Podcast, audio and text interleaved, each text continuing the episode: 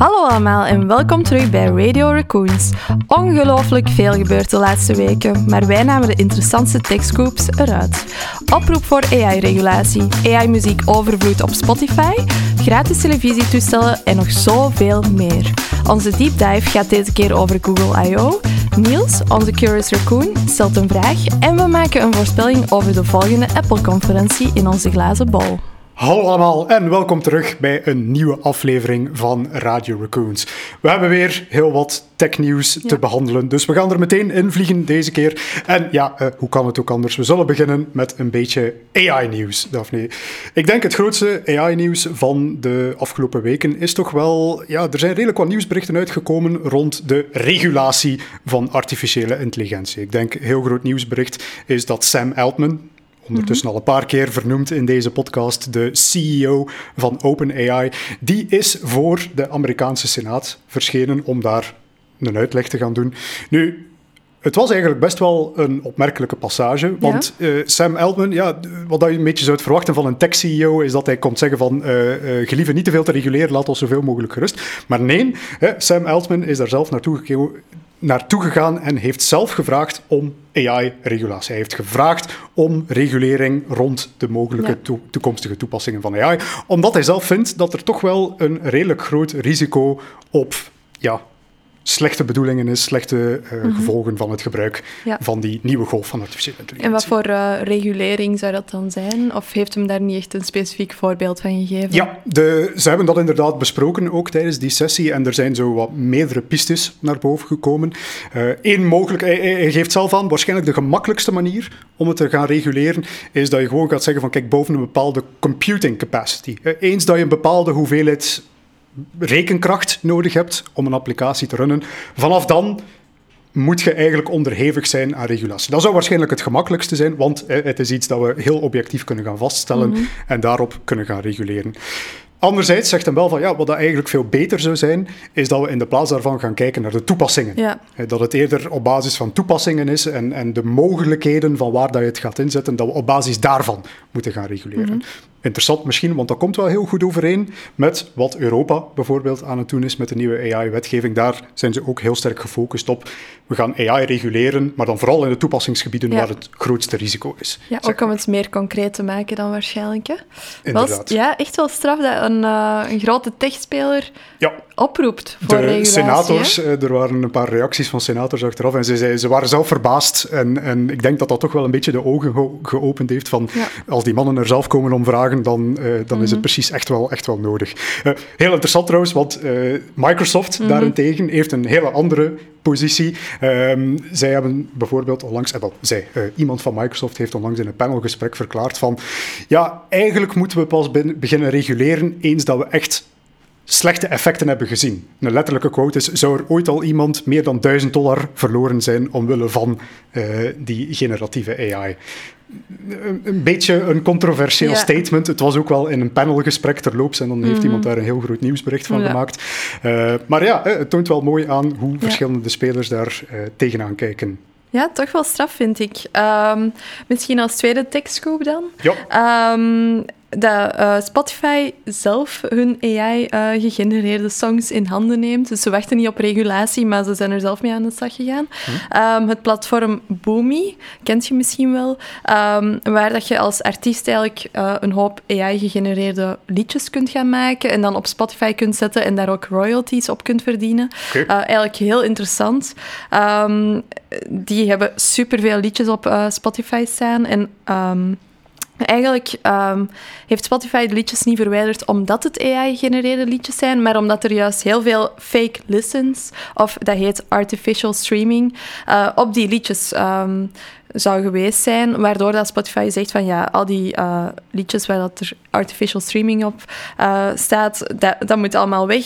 Zou 7% zijn van de tracks die Boomy heeft geüpload. Mm -hmm. dat zou over tienduizenden liedjes gaan. Dus er zijn al superveel uh, AI-liedjes blijkbaar ik, op Spotify. Ik denk, ja, de, de, de echte headline is eigenlijk een beetje verkeerd gekozen. Je ja. zou denken van AI verwijdert, uh, Spotify verwijdert AI-gegenereerde liedjes, is de grote headline. Nee. nee. Uh, de AI-gegenereerde liedjes zijn perfect oké. Het is als je gaat gaan sjoemelen met hoeveel mensen er naar luisteren, dat ze problemen beginnen maken. Maar de echte headline is dus 93 procent, honderdduizenden liedjes van Boomy, die staan nu op Spotify. Ja, absoluut. We hebben nu al een Spotify met AI-gegenereerde muziek die, die rondwaalt. Dus ja, het is... En het is echt wel um, zot, want ik had al bijvoorbeeld Refusion al wel eens getest. Dat is mhm. ook een, een, eh, een tool waar dat je zelf liedjes mee kunt gaan genereren. Maar Boomy is echt wel next level, vond ik. En het bestaat blijkbaar al twee jaar. Ik weet niet hoe lang dat er al met AI of uh, generative AI ehm, wordt gespeeld bij dat platform. Maar we hebben eens uh, geluisterd naar die liedjes ook. En we zullen hier um, nu een paar fragmenten. Eén um, fragment dat we heel goed vonden, dat zal nu komen.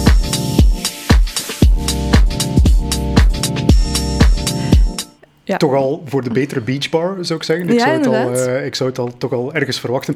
Maar natuurlijk, ja, het is misschien een beetje cherrypicking natuurlijk, want we hebben toch ook wel wat... We hebben ook iets minder... Of ja, misschien voor iemand die het wel goed kan misschien vinden. Misschien zijn we gewoon te oud. Ja, misschien, het...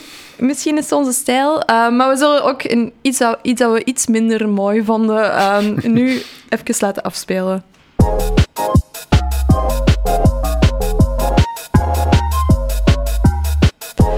Dus ja, smaken en kleuren. Iets, iets experimenteler. Dit is misschien waar de kids naar gaan luisteren binnen dit en een Ja, wie weet. Um, kan allemaal, maar in ieder geval, ja, AI-muziek, het is toch wel um, hot. Ja. Um, misschien ook leuk, uh, onze founder, Michiel, um, is vorige week op Studio Brussel geweest met, een met AI-liedjes die wij zelf bij Raccoons ook hebben gegenereerd. Um, we hebben bijvoorbeeld Vuurwerk, een liedje van Camille, laten zingen door uh, Mathieu, Terrein van uh, Bazaar.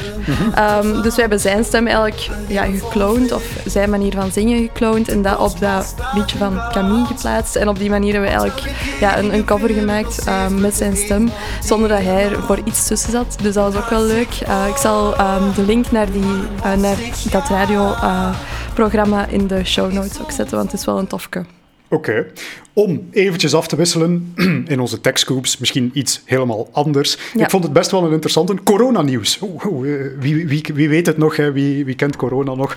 Eigenlijk een beetje onrechtstreeks coronanieuws, want mhm. ehm, een heel groot nieuwsbericht is dat men uh, momenteel begonnen is aan de klinische proeven voor een universeel verkoudheidsvaccin gebaseerd op de mRNA-technologie die we ook kennen van onze coronavaccins. Dus een mogelijke uh, technologie, we hebben er al eens over gesproken, denk ik, hè, dat er toch wel redelijk wat technologieën zullen uit gaan volgen.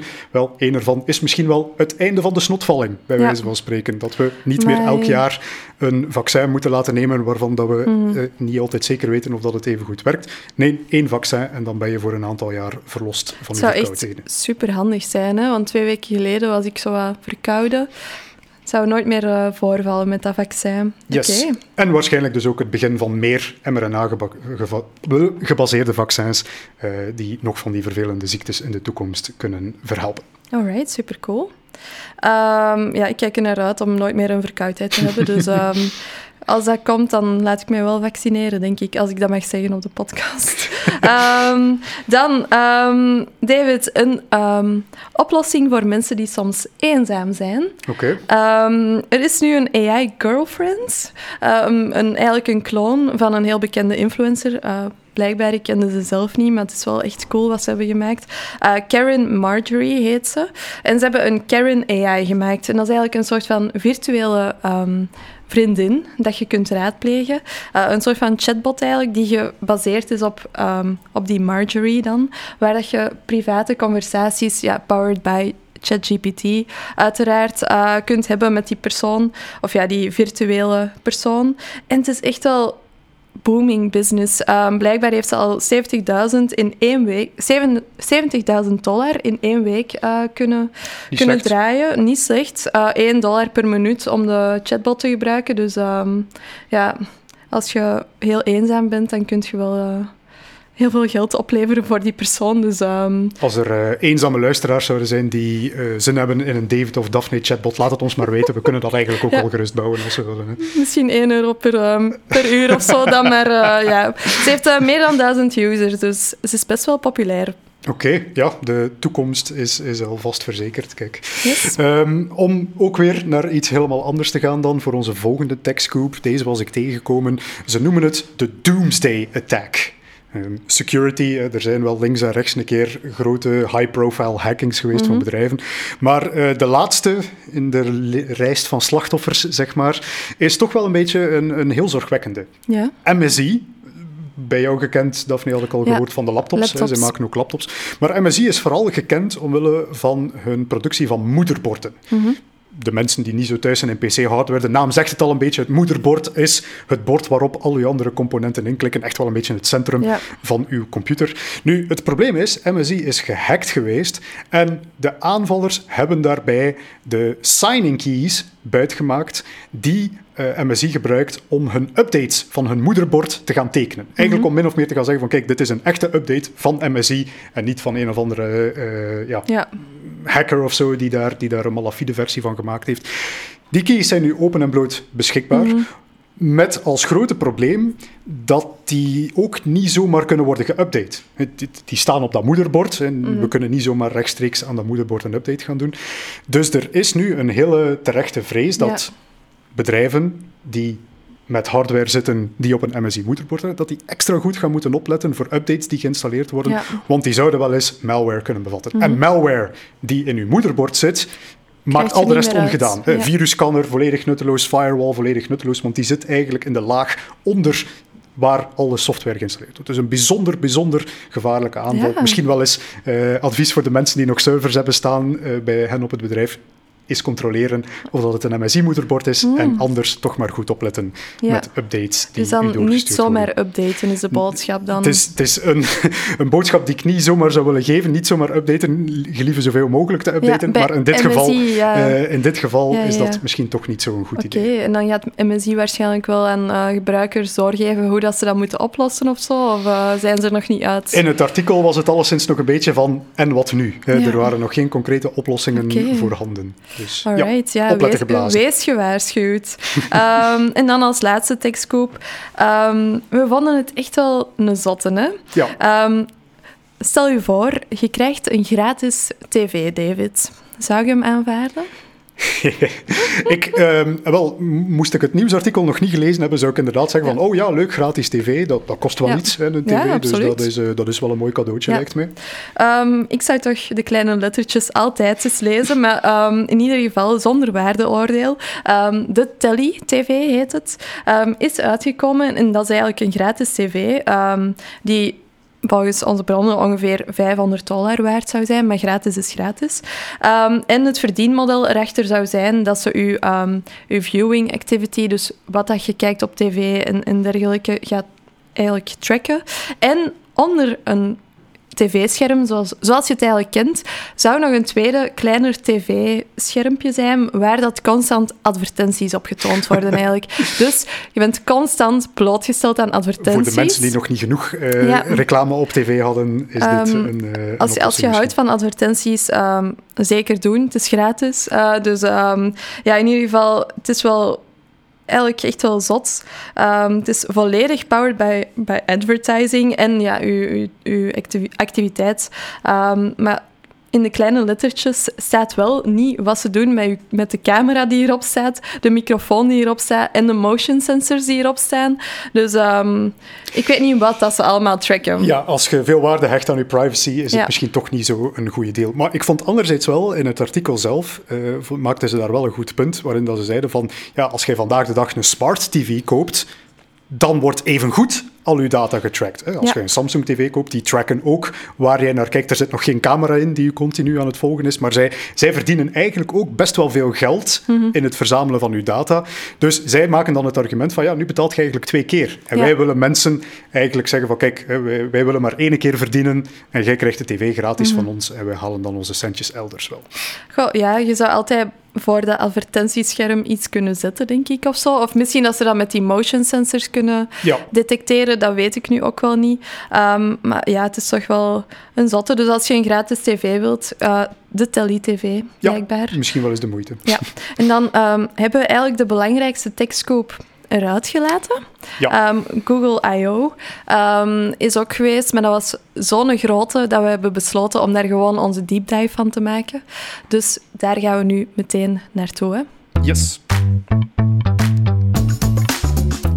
Oké, en dan zijn we hier klaar voor de deep dive. Zoals vermeld, Daphne, eigenlijk één nieuwsitem, maar een nieuwsitem die zodanig groot is, waar we zodanig veel dingen over moeten vertellen, dat we het maar meteen in de deep dive hebben gegooid. Yes. Zoals gezegd, Google heeft zijn grote conferentie georganiseerd, Google I.O., waar zij traditiegetrouw elk jaar de grote aankondigingen doen, de Mm. nieuwe features, de nieuwe producten lanceren, eh, die zij op de markt willen gaan gooien.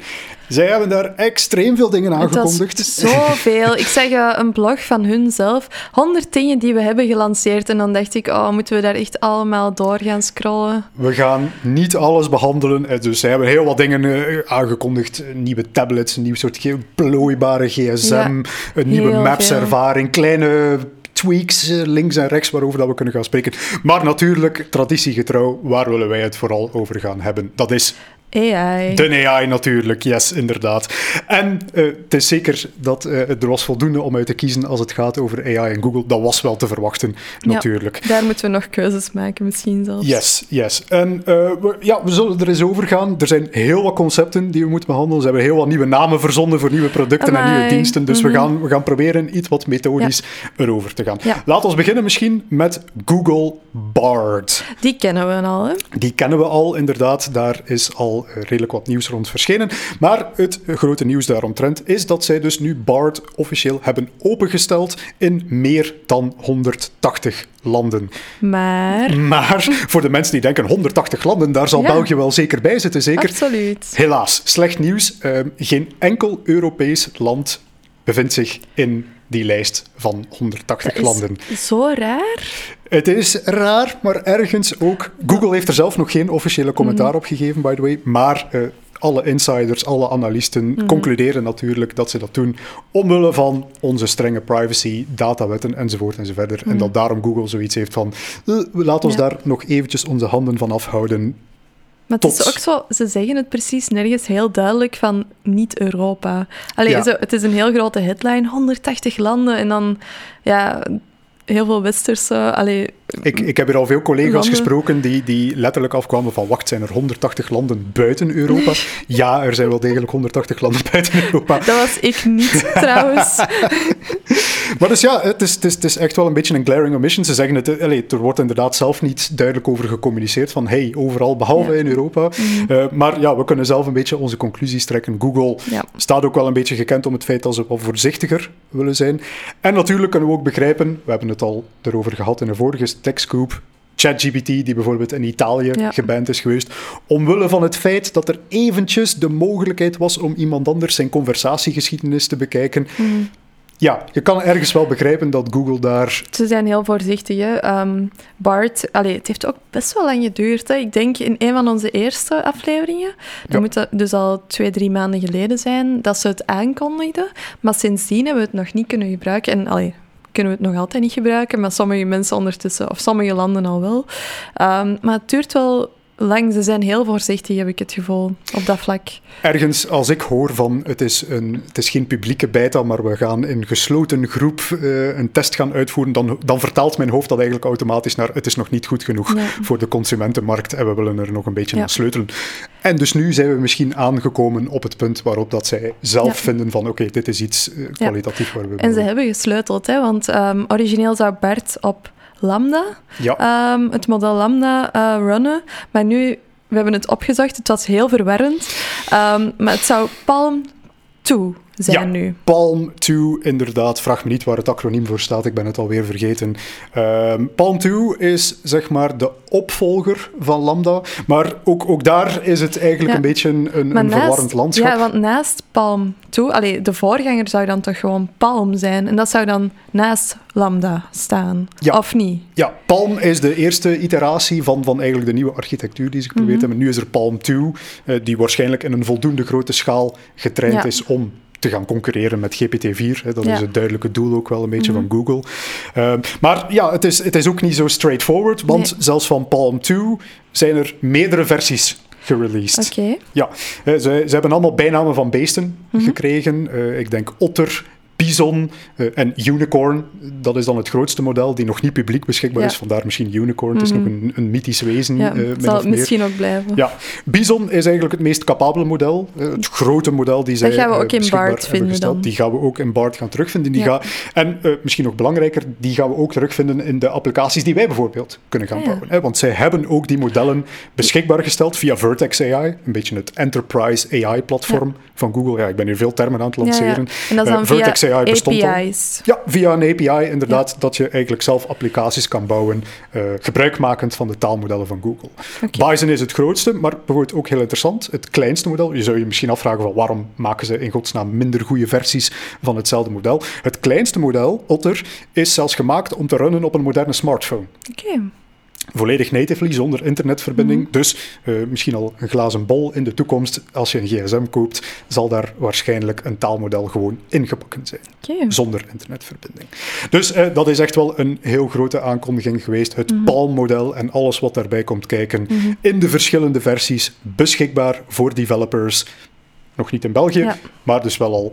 Um, ja, over okay. een groot aantal landen over de hele wereld. Dus dat is BART en Palm dat er dan achter zit. Maar BART is toch niet um, het doel, zal ik maar zeggen, van Google. Hè? Um, ze zeggen dat, dat conversational of chatbots toch niet het, allee, de Google of, of het, het zoekverkeer dat we nu kennen gaat vervangen. Hè? Ze willen toch echt wel benadrukken dat dat, ja. dat, dat um, een addition is uh, aan hun services, zal ik maar zeggen. Um, en dat ze toch die search experience willen gaan verbeteren. Yes, want ook daar hebben ze aankondigingen ra- rond gedaan. Om dus misschien nog eventjes te verduidelijken van... Uh, we hebben dus Palm. Ja. Dat is het taalmodel, dat is het AI-model, die in verschillende vormen beschikbaar zal zijn.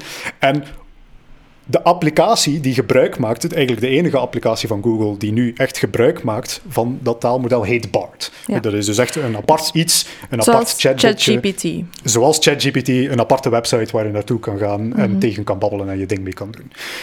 Nu, iemand heeft het mijzelf moeten verduidelijken, want in mijn hoofd was dat van oké, en ooit op een dag gaat Google dat integreren op hun, op hun zoekpagina en dan zijn we er klaar mee. Nee, Google heeft echt wel andere plannen voor hun zoekervaring. En, en ja, die is toch wel een beetje anders dan, dan Bing. Zij zien namelijk de toekomst van zoeken niet als iets conversationeel, hè, niet als, als een venstertje waar je de hele tijd blijft tegen praten. Zij zien nog altijd Zoals we het kennen. vraag, antwoord. Ja. Maar in plaats van dat je dus zelf eerst door allerlei links moet gaan zoeken om dan ergens het antwoord te gaan vinden, gaat Google, ze noemen het zelf trouwens de Search Generative Experience, SGE.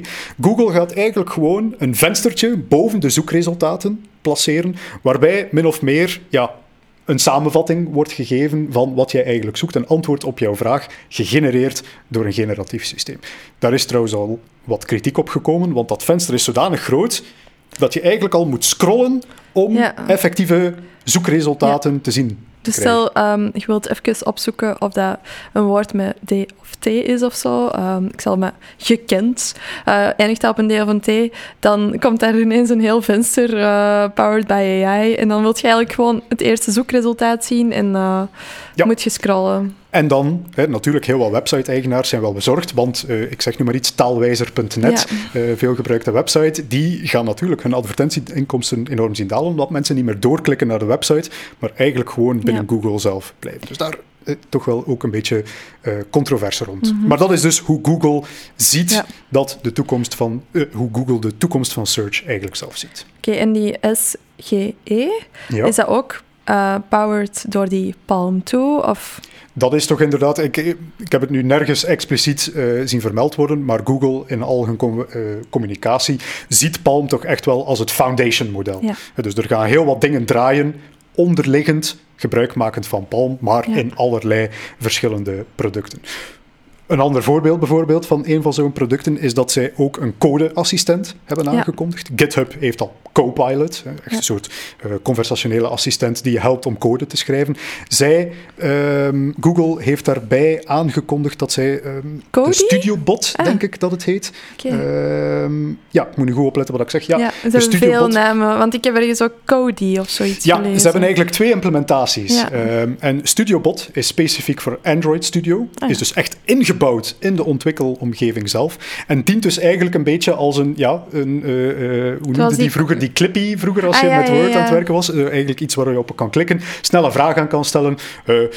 hoe schrijf ik een stukje code om bestanden te sorteren? En die gaat dan heel mooi een resultaat voor Zoals die van GitHub eigenlijk, ongeveer. Ergens een beetje zoals in GitHub, maar GitHub Copilot wordt meer gezien als een hele slimme autocomplete. Ah, ja. Terwijl um, ja, Google eigenlijk eerder een visie heeft van kijk, dat is een apart venster, je praat er tegen, maar dan is er wel een gemakkelijk knopje om te gaan zeggen van kijk, deze code, klik. Implementeer het, ja. Steek het er maar tussen, steek het er maar bij in mijn code. Dus toch ook weer een licht veranderende visie in hoe ze aankijken tegen ja, het gebruik van die large language models in verschillende toepassingen. Dus Hm, inderdaad, voor code is er een uh, implementatie, maar we zien dat ook naar de workspaces komen. Voor mensen die niet zo vertrouwd zijn met het Google-ecosysteem, uh, Google Workspace is min of meer Microsoft Office, maar dan de Google-versie. Ja. Hm. Uh, de Word, de PowerPoint, maar dan Sheets, Docs heet dat dan. Ze hebben, al, ze hebben voor alles een equivalent. Ook daar hebben zij een vergaande integratie met generative modellen aangekondigd. Niet alleen dus Palm uh, ja, niet alleen Palm voor tekst, maar dus ook bijvoorbeeld Imagen voor afbeeldingen te gaan genereren. En zij willen dat eigenlijk overal in gaan integreren. Ik zou zeker eens, als we het kunnen linken, uh, het filmpje, het promofilmpje daar rondrent gaan, gaan bekijken. Het is zeker uh, interessant. Allee, het is impressionant om het eens aan het werk te zien. Zij zien dat bijvoorbeeld in, ik ga nu even de Microsoft-termen gebruiken, in Word pretty straightforward als schrijfassistent. Uh, schrijf me een keer drie alinea's over dit topic bijvoorbeeld. Maar bijvoorbeeld ook in Sheets, uh, de, de, de Excel-equivalent, waarbij dat je zegt van maak mij eens een planning voor een verjaardagsfeestje, zet dat allemaal schoon in een tabelletje, inclusief budgetberekeningen enzovoort enzoverder. zij zien daar integraties van in, in de PowerPoint-equivalent, slides heet dat dan, mhm. waarbij, ze, waarbij je daar dan echt ook kunt gaan zeggen, niet alleen slides, maar ook afbeeldingen Ja, dat je echt kunt zeggen, um, een, um, ja, over het feestje bijvoorbeeld, een heel leuke uh, slide deck met van alle ballonnen en uh, party decorations of zo. En dat er dan een hele feestelijke PowerPoint uitkomt. Ja, generatieve AI, dus in dat volledige Office-pakket geïntegreerd. We kunnen waarschijnlijk iets heel gelijkaardigs verwachten van Google in de nabije toekomst. Uh, dus ja, zit er overal in. En, en als laatste misschien ook nog in hun uh, videoconferencing applicatie zal het binnenkort ook mogelijk worden om custom achtergronden te genereren met behulp van beeldgenererende AI. Dus exact wat we nodig hadden. Ja, dus. de, daar zitten de mensen helemaal op te wachten. um, dus dat is Do It in Workspace volledig geïntegreerd. Dat, dat lijkt mij echt wel... Uh, ja, de, dat gaat de way of working denk ik echt wel veranderen efficiënter maken, gewoon verbeteren. Allee, ik, ik zie er de, het nut wel van in. Ik ga dat sowieso gebruiken. Ja, dit is dus echt wel... Ik, ik denk ook de, de, de versie van Palm waar, waar de, de, versie van generatieve AI in het algemeen, waar de gewone gebruiker het meest mee geconfronteerd gaat worden. Als je Word gebruikt, als je PowerPoint gebruikt, dat, dat is niet alleen maar voor de IT'ers, dat is echt wel iedereen die daarmee aan de slag mm. gaat. En, over een jaar gaan we dat zo gewoon zijn en gaan we terugluisteren naar deze podcast van, ah, was dat toen nieuw of wat? Ja, moest jij vroeger handmatig documenten schrijven? Wauw. Moest je zelf... Uh, afbeeldingen in presentaties plakken. Of ah, wow, zot. Ja, dus dat is inderdaad een hele grote verandering die eraan komt. Maar eh, eigenlijk aan de andere kant van het spectrum, als we nu enerzijds spreken over de heel modale gebruiker, ehm, ook voor de IT-specialisten komen deze tools. Ik heb het al gezegd, het komt naar Vertex AI bijvoorbeeld. Google heeft ook een hele hoop API's beschikbaar gesteld die developers kunnen gebruiken om applicaties te bouwen met behulp van large language model technologie. Zoals bijvoorbeeld ook een embeddings API om documenten heel gemakkelijk doorzoekbaar te maken mhm. eh, voor documenten. Maar daar ga ik denk ik bij onze Curious Raccoon nog iets over vertellen. Dus daar, daar keren we dan straks op terug. Ja, um, we, we, hebben al een heel rondje gedaan. Ik denk als laatste misschien nog twee leuke, leuke fedivertjes. Uh, dingen die niet meteen de businesswereld gaan veranderen, maar die misschien wel uh, hele leuke gimmicks worden voor onze smartphones. Binnenkort is dat Google ook heel verregaande AI gaat introduceren in Google Photos. Mm -hmm. waarbij dat je dus zeg maar een Photoshop on steroids hebt. Dat je gewoon kunt zeggen van, ah, um, die persoon daar op de achtergrond heb ik liever weg zonder dat je eigenlijk zelf met uh, Toolkes, de, ja. de tooltjes aan de slag moet gaan gaan volledig door de beschrijving gaat Google daar beeldediting in gaan doen. Dus Zou mijn job zoveel gemakkelijker maken, echt waar. Maar kijk daar wel naar uit. Het komt er binnenkort aan. Ook weer nu in beperkte bijtas, maar binnenkort ook wel weer en een dat heet de Magic Editor. De Magic Editor, oké, kijk. Ziezo, uh, voor mensen die er naar op zoek zijn, ze kunnen het nu al vinden op Google. Het is echt magisch. ja, ook daar weer zullen we waarschijnlijk wel linken naar een leuk filmpje, ja. dat mensen dan kunnen zien wat er allemaal aan het gebeuren is. En ik denk als laatste, uh, ook nog heel leuk, is Music LM. Mm -hmm. Music LM is in januari al aangekondigd door Google. Eigenlijk een generatief AI-systeem waarmee dat je ook muziek kunt gaan genereren. We hebben er net ook een tekstkoek over gehad, helemaal niet meer zo speciaal. Maar daar uh, gaan zij dus ook, komen zij uit die, uit die private testingsfeer en hebben zij dus nu ook publiek gemaakt voor mensen om in de AI Playground gebruik te maken van MusicLM. Dus mm. in de toekomst, eh, als je een muziekstukje hoort, een redelijke kans dat de achterliggende beats misschien wel gegenereerd zijn door zo'n systeem. Het zit overal, hè, AI. Het zit overal, inderdaad. Ziezo, ja, ik denk dat we daarmee een uh, rondje hebben gedaan van alle AI-producten die Google wil gaan aankondigen. We hebben ons best gedaan. We hebben ons best gedaan. Als er mensen zijn die, die misschien nog iets tegengekomen zijn, het kan perfect. We, ja. we hebben, we hebben een tien, twintigtal pagina's bekeken met ja. alle aankondigingen en soms hebben we nog kleine dingen ontdekt. Als er mensen zijn die nog zaken gevonden hebben waar ja. we graag eens iets over willen vertellen. Of daar vragen over hebben. Of daar vragen over Curious Raccoon-sectie van volgende yes. aflevering misschien. Uh, stuur ze maar gerust door. Uh, of opmerkingen, of we zijn niet vergeten dat heel belangrijk is. Laat het ons zeker weten. Hè. Um, maar dan gaan we gewoon direct over naar de Curious Raccoon van deze aflevering. Hè. Helemaal. Alright, um, tijd van onze Curious Raccoon. Vorige aflevering hadden we er geen, maar uh, voor deze zeker wel. En we hebben een super interessante vraag gekregen. Um, onze Curious Raccoon heeft hem ook zelf ingesproken. Uh, dus we gaan even luisteren naar onze nieuwsgierige wasbeer Niels Bex. Vorige podcast hadden we het over de open source alternatieven van ChatGPT. Deze kunnen volgens mij zeker een interessant alternatief bieden voor het aanbod van Microsoft en OpenAI omdat je toch wel de pittige licentiekosten van OpenAI kunt vermijden die per woord of token aanrekent en omdat je ook op eigen bedrijfsdata en platformen kunt laten draaien. Wat zijn volgens jullie de mogelijke valkuilen en tekortkomingen die er wel in schuil gaan om dat binnen te pakken als bedrijf, zowel om het richting klanten open te stellen als op het op interne applicaties aan te sluiten? En hoe zien jullie ook Microsoft verder evolueren om zich toch wel hier ten opzichte van te differentiëren? Alvast bedankt. Oké, okay, Niels, een multigefacetteerde vraag met een multigefacetteerd antwoord. Ja. Sowieso heel interessant om eventjes bij stil te staan. Inderdaad, open source modellen heel interessant. Lijkt ook heel interessant, zoals je zelf zegt, om, om die licentiekosten te gaan vermijden. Maar er zijn waarschijnlijk ook wel, er zijn ook wel een aantal pitfalls aan verbonden. Ik denk eerst en vooral belangrijk is die, ja, een beetje het wettelijke aspect van het hele verhaal, is om te beseffen dat niet alle open source modellen die nu beschikbaar zijn ook een commerciële licentie hebben.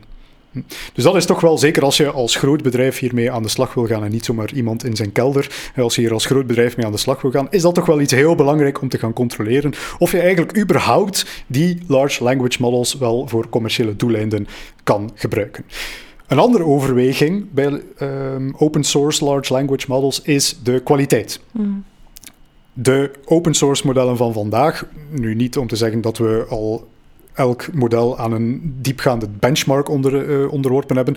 Maar op basis van de conclusies die wij nu toch al op het internet vinden, zijn die open source modellen wel ja, nog altijd kwalitatief iets minder sterk dan hetgeen uh, dat OpenAI momenteel aanbiedt. Maar dat is natuurlijk, ja, um, is het een pitfall bij open source? Het kan perfect zijn dat het binnen een paar maanden net weer performanter wordt dan alles wat OpenAI aanbiedt. Dus uh, dat is toch wel iets voor je een bepaalde oplossing gaat gebruiken benchmark het eerst eens goed, test het eerst eens goed, uh, want er zijn toch wel redelijk grote kwaliteitsverschillen.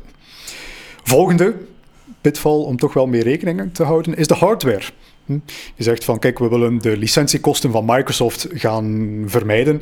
Maar anderzijds moet je wel beseffen dat de, de kost die Microsoft aanrekent ook wel ja, verbonden is met een zekere elektriciteitskost mm -hmm. die zij hebben om die modellen te gaan draaien. En die large language models, die draaien nu eenmaal op hardware die, laten we zeggen, iets meer gaan verbruiken, iets meer uh, energie nodig hebben mm -hmm. dan de gemiddelde hardware die bedrijven vandaag de dag gaan gebruiken om hun applicaties te gaan hosten. Dus uh, daar moet ook over nagedacht worden. Waar zetten we die hardware? Hoe gaan we die installeren? Leren, et cetera, et cetera, is toch wel een extra overweging die open source modellen, in open source modellen moet worden meegenomen. Daarnaast, um, en dit wordt eigenlijk een algemene pitfall in de nabije toekomst, maar is zeker nu bij die uh, open source modellen van toepassing, is het de, de, de, de brede waaier aan keuze die er zelfs al vandaag de dag is. Mhm. Ik heb het al gezegd, er zijn kwaliteitsverschillen, maar ook de capaciteiten van die modellen verschillen enorm sterk. Als je het vandaag de dag rondvraagt, um, het meest performante model, of het grootste model, of dat ook het meest performant is, dat kunnen we tussenmidden laten. Het grootste model is bijvoorbeeld MPT-7B, mm getraind op enorm veel data.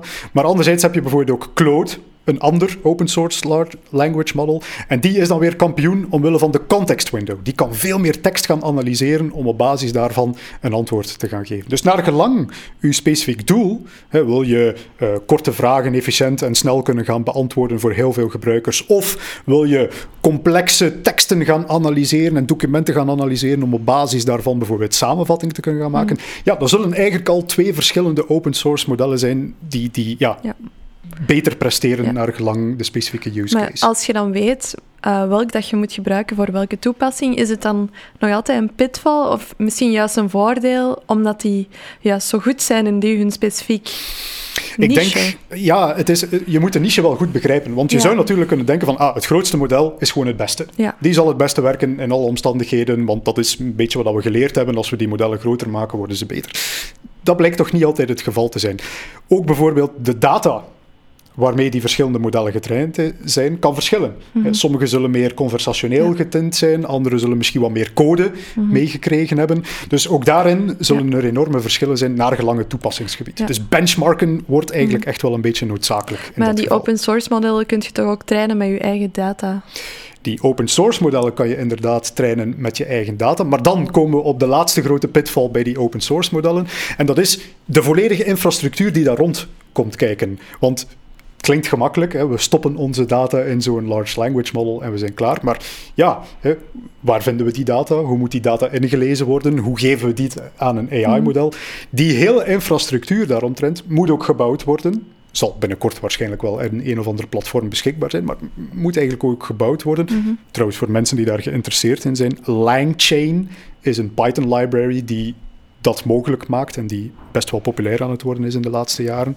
Uh, dus dat moet ook allemaal gebouwd worden. En ja, daar komt ook een kost bij kijken. Dus het is niet zozeer het large language model die moet geïmplementeerd worden. Het is het volledige systeem van dataverwerking en antwoorden enzovoort enzovoort die moet worden gebouwd. Dus dat is toch wel... Ja, ja dat zal de grootste kost zijn in het hele mhm. systeem, bijna gegarandeerd, ja. tegenover de kost die je betaalt voor het large language model. Maar het voordeel is dan wel dat je het kunt hosten bij je Zelfhosting, inderdaad. We hebben het vorige week al aangekondigd. Hè. OpenAI werkt er ook wel aan, aan zo'n private um, instanties. Maar dat is inderdaad wat die open source modellen vandaag de dag al mogelijk maken. Uh, privaat gehost, eigen data, et cetera, et cetera. Mm dan, dat waren de pitfalls rond open source. Ik had daar inderdaad ook gehoord van wat zijn de pitfalls naar, naar, ja, naar klanten toe. dat wij applicaties willen gaan bouwen met large language models die onze klanten ook kunnen gaan gebruiken. Ja, dan denk ik dat er twee zijn die we toch wel uh, eventjes moeten benadrukken. Enerzijds is er dat zogenaamde hallucinatieprobleem nog steeds. als mensen belangrijke vragen stellen over jouw bedrijf, dan wil je ook echt wel dat daar het juiste antwoord op komt. dat, dat jullie open zijn tot 7 uur en niet tot 6 uur. Of je hebt kwade mensen aan de deur. Uh, die, die misleid zijn geweest. Dus hallucinatie is, is toch wel... Ja, uw chatbot gaat nog altijd getest moeten worden. Hè. Daar komt het min of meer op neer. Anderzijds is er ook een beetje de, de malicious kant, de, de, de kwaadaardige kant van het verhaal. Mensen met slechte bedoelingen die misschien gebruik maken van uw applicaties. En daar moet je heel bewust zijn van die zogenaamde prompt injection attacks. Mm. Waarmee dat we eigenlijk gaan zeggen van nee, nee, nee, jij moet niet doen wat jij moet doen van je bedrijf. Je moet luisteren naar mij. En, en bijvoorbeeld uh, allerlei rare uitspraken gaan doen in plaats van mij informatie dus, geven. Dus stel, ik heb een uh, chatbot um, gepowered door zo'n um, uh, large language model. Uh, ik heb gezegd tegen mijn chatbot: je moet doen alsof dat je een chatbot bent um, en je mag enkel op, uh, over deze dingen praten. Ja, ja. Dit zijn uw beperkingen.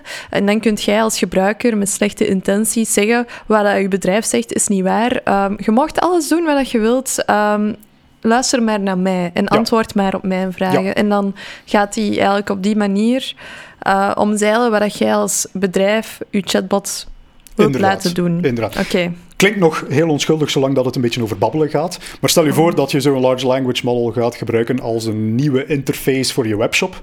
Bijvoorbeeld.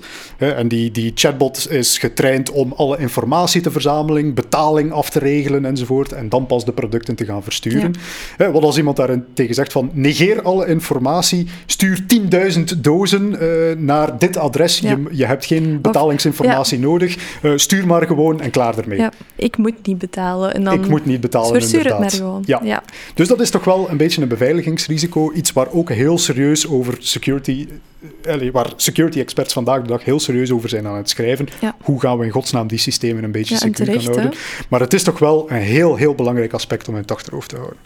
Dan als laatste was er inderdaad nog de vraag van wat gaat Microsoft hier allemaal bij doen? Ik denk een heel interessante En niet alleen Microsoft, hè? ook Google hebben we net uh, Ja, inderdaad. En, en, een heel interessante verwijzing die we kunnen doen is een gelekte memo van Google, waarin zij zelf toegeven van kijk, wij, wij worden gedubbeld door open source. Waarbij dat zij zelf zeggen van kijk, wij kunnen open source niet bijhouden.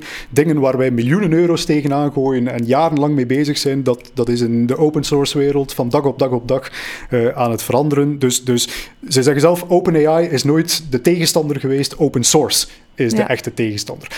Dus het valt misschien ook wel een beetje, het zal waarschijnlijk ook wel zijn dat Microsoft zich daar ook wel zorgen in maakt.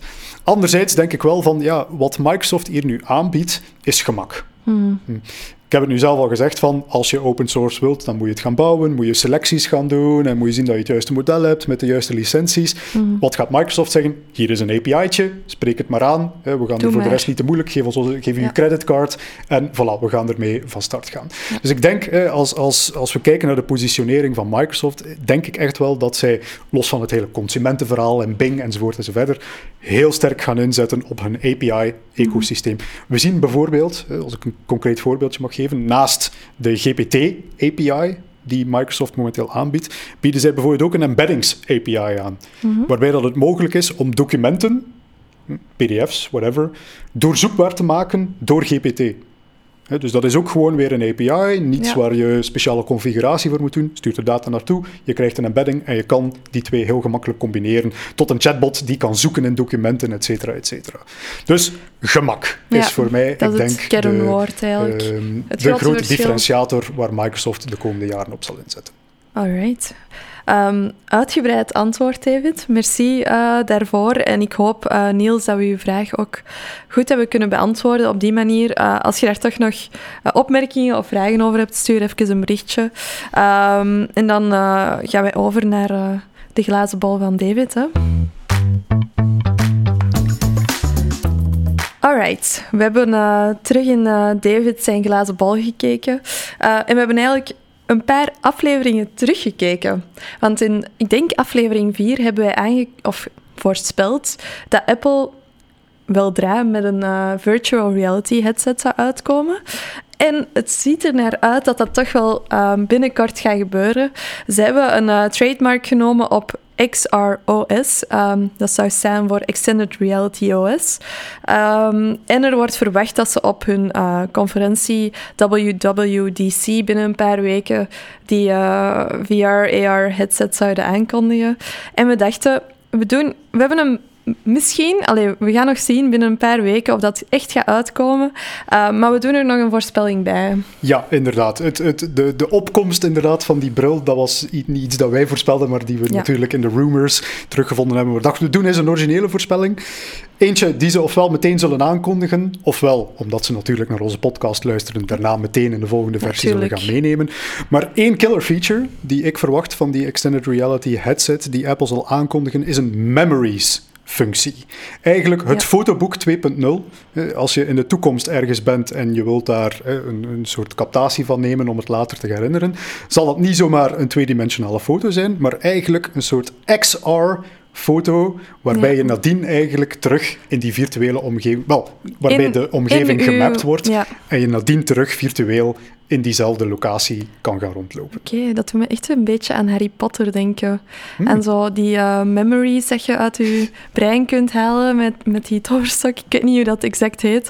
En dan kun je in die pot bekijken en terug in uw memory gaan uh, kruipen. Dat kan dus uh, met de Apple headset misschien uh, binnen enkele jaren. Ofwel binnen drie weken, ofwel in versie ja. 2.0. Waarschijnlijk nog niet binnen drie weken, want je moet ze nog wat tijd geven om onze podcast te beluisteren, dan nog te developen. Ja, ja. ja. maar het zou misschien wel een keer kunnen dat ze bij Apple even innovatief zijn als wij. Ja, dat dat lijkt me straf, maar allez, kijk, kan, het kan, nooit. Het kan. nooit. Eh, nee, goed. Ehm, ja, ik ben heel benieuwd naar die headset. Kijk, Ja. Ehm, en dan gaan we naar het laatste segment, hè, de watercooler show-off. yes. Let's go. Oké, dan is het tijd voor de watercooler show-off. En we zijn al eventjes bezig, Daphne, dus ik stel voor, jij hebt er eentje voor ons. Ja. Ga maar van start. We hadden het net over Apple, hè, David. Ehm, is het u ooit opgevallen dat in elke advertentie of screenshot van een Apple eh, iPhone, eh, dat daar hetzelfde uur altijd opnieuw tevoorschijn komt? Oké. Ehm, ooit opgevallen? 9 uur 41. En dat is esthetisch heel mooi? Of... Nee, er zit echt wel een betekenis achter. Ehm, dus in eh, 2007 heeft eh, Steve Jobs de eerste iPhone ehm, aangekondigd. En dat was exact zo getimed dat ja, na 41 minuten in die presentatie, dat hij zou zeggen, eh, en dit is de iPhone, en dat dan de iPhone tevoorschijn zou komen op het scherm, en dat dan de tijd, 9 uur 41, exact zou overeenkomen met de tijd die daar op het scherm stond. Oké.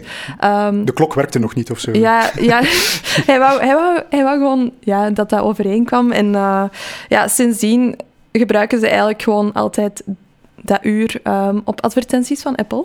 Oké, Dus wel leuk om eh, een leuke watercooler show-off, denk ik dan. ik zal erop letten de volgende keer. Ja, dus ehm, vanaf nu gaat je dat altijd zien. En ik hoop dat Apple niet stopt met die feature. of ja, met die, met die kleine gimmick, want anders klopt mijn watercooler show of niet.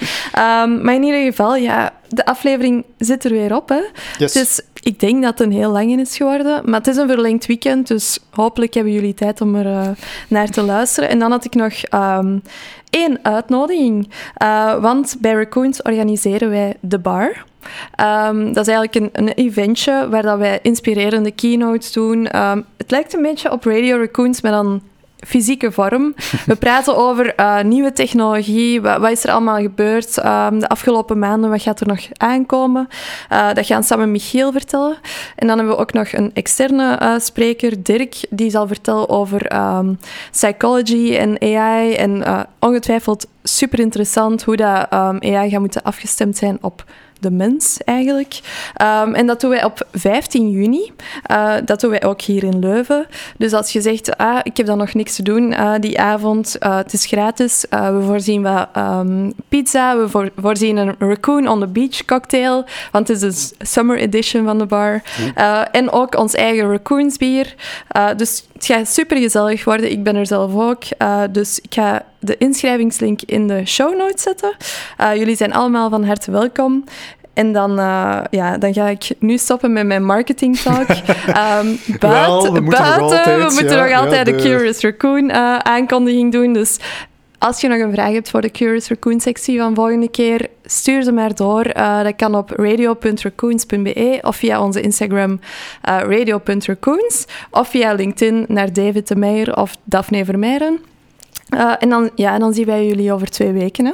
Yes, tot dan.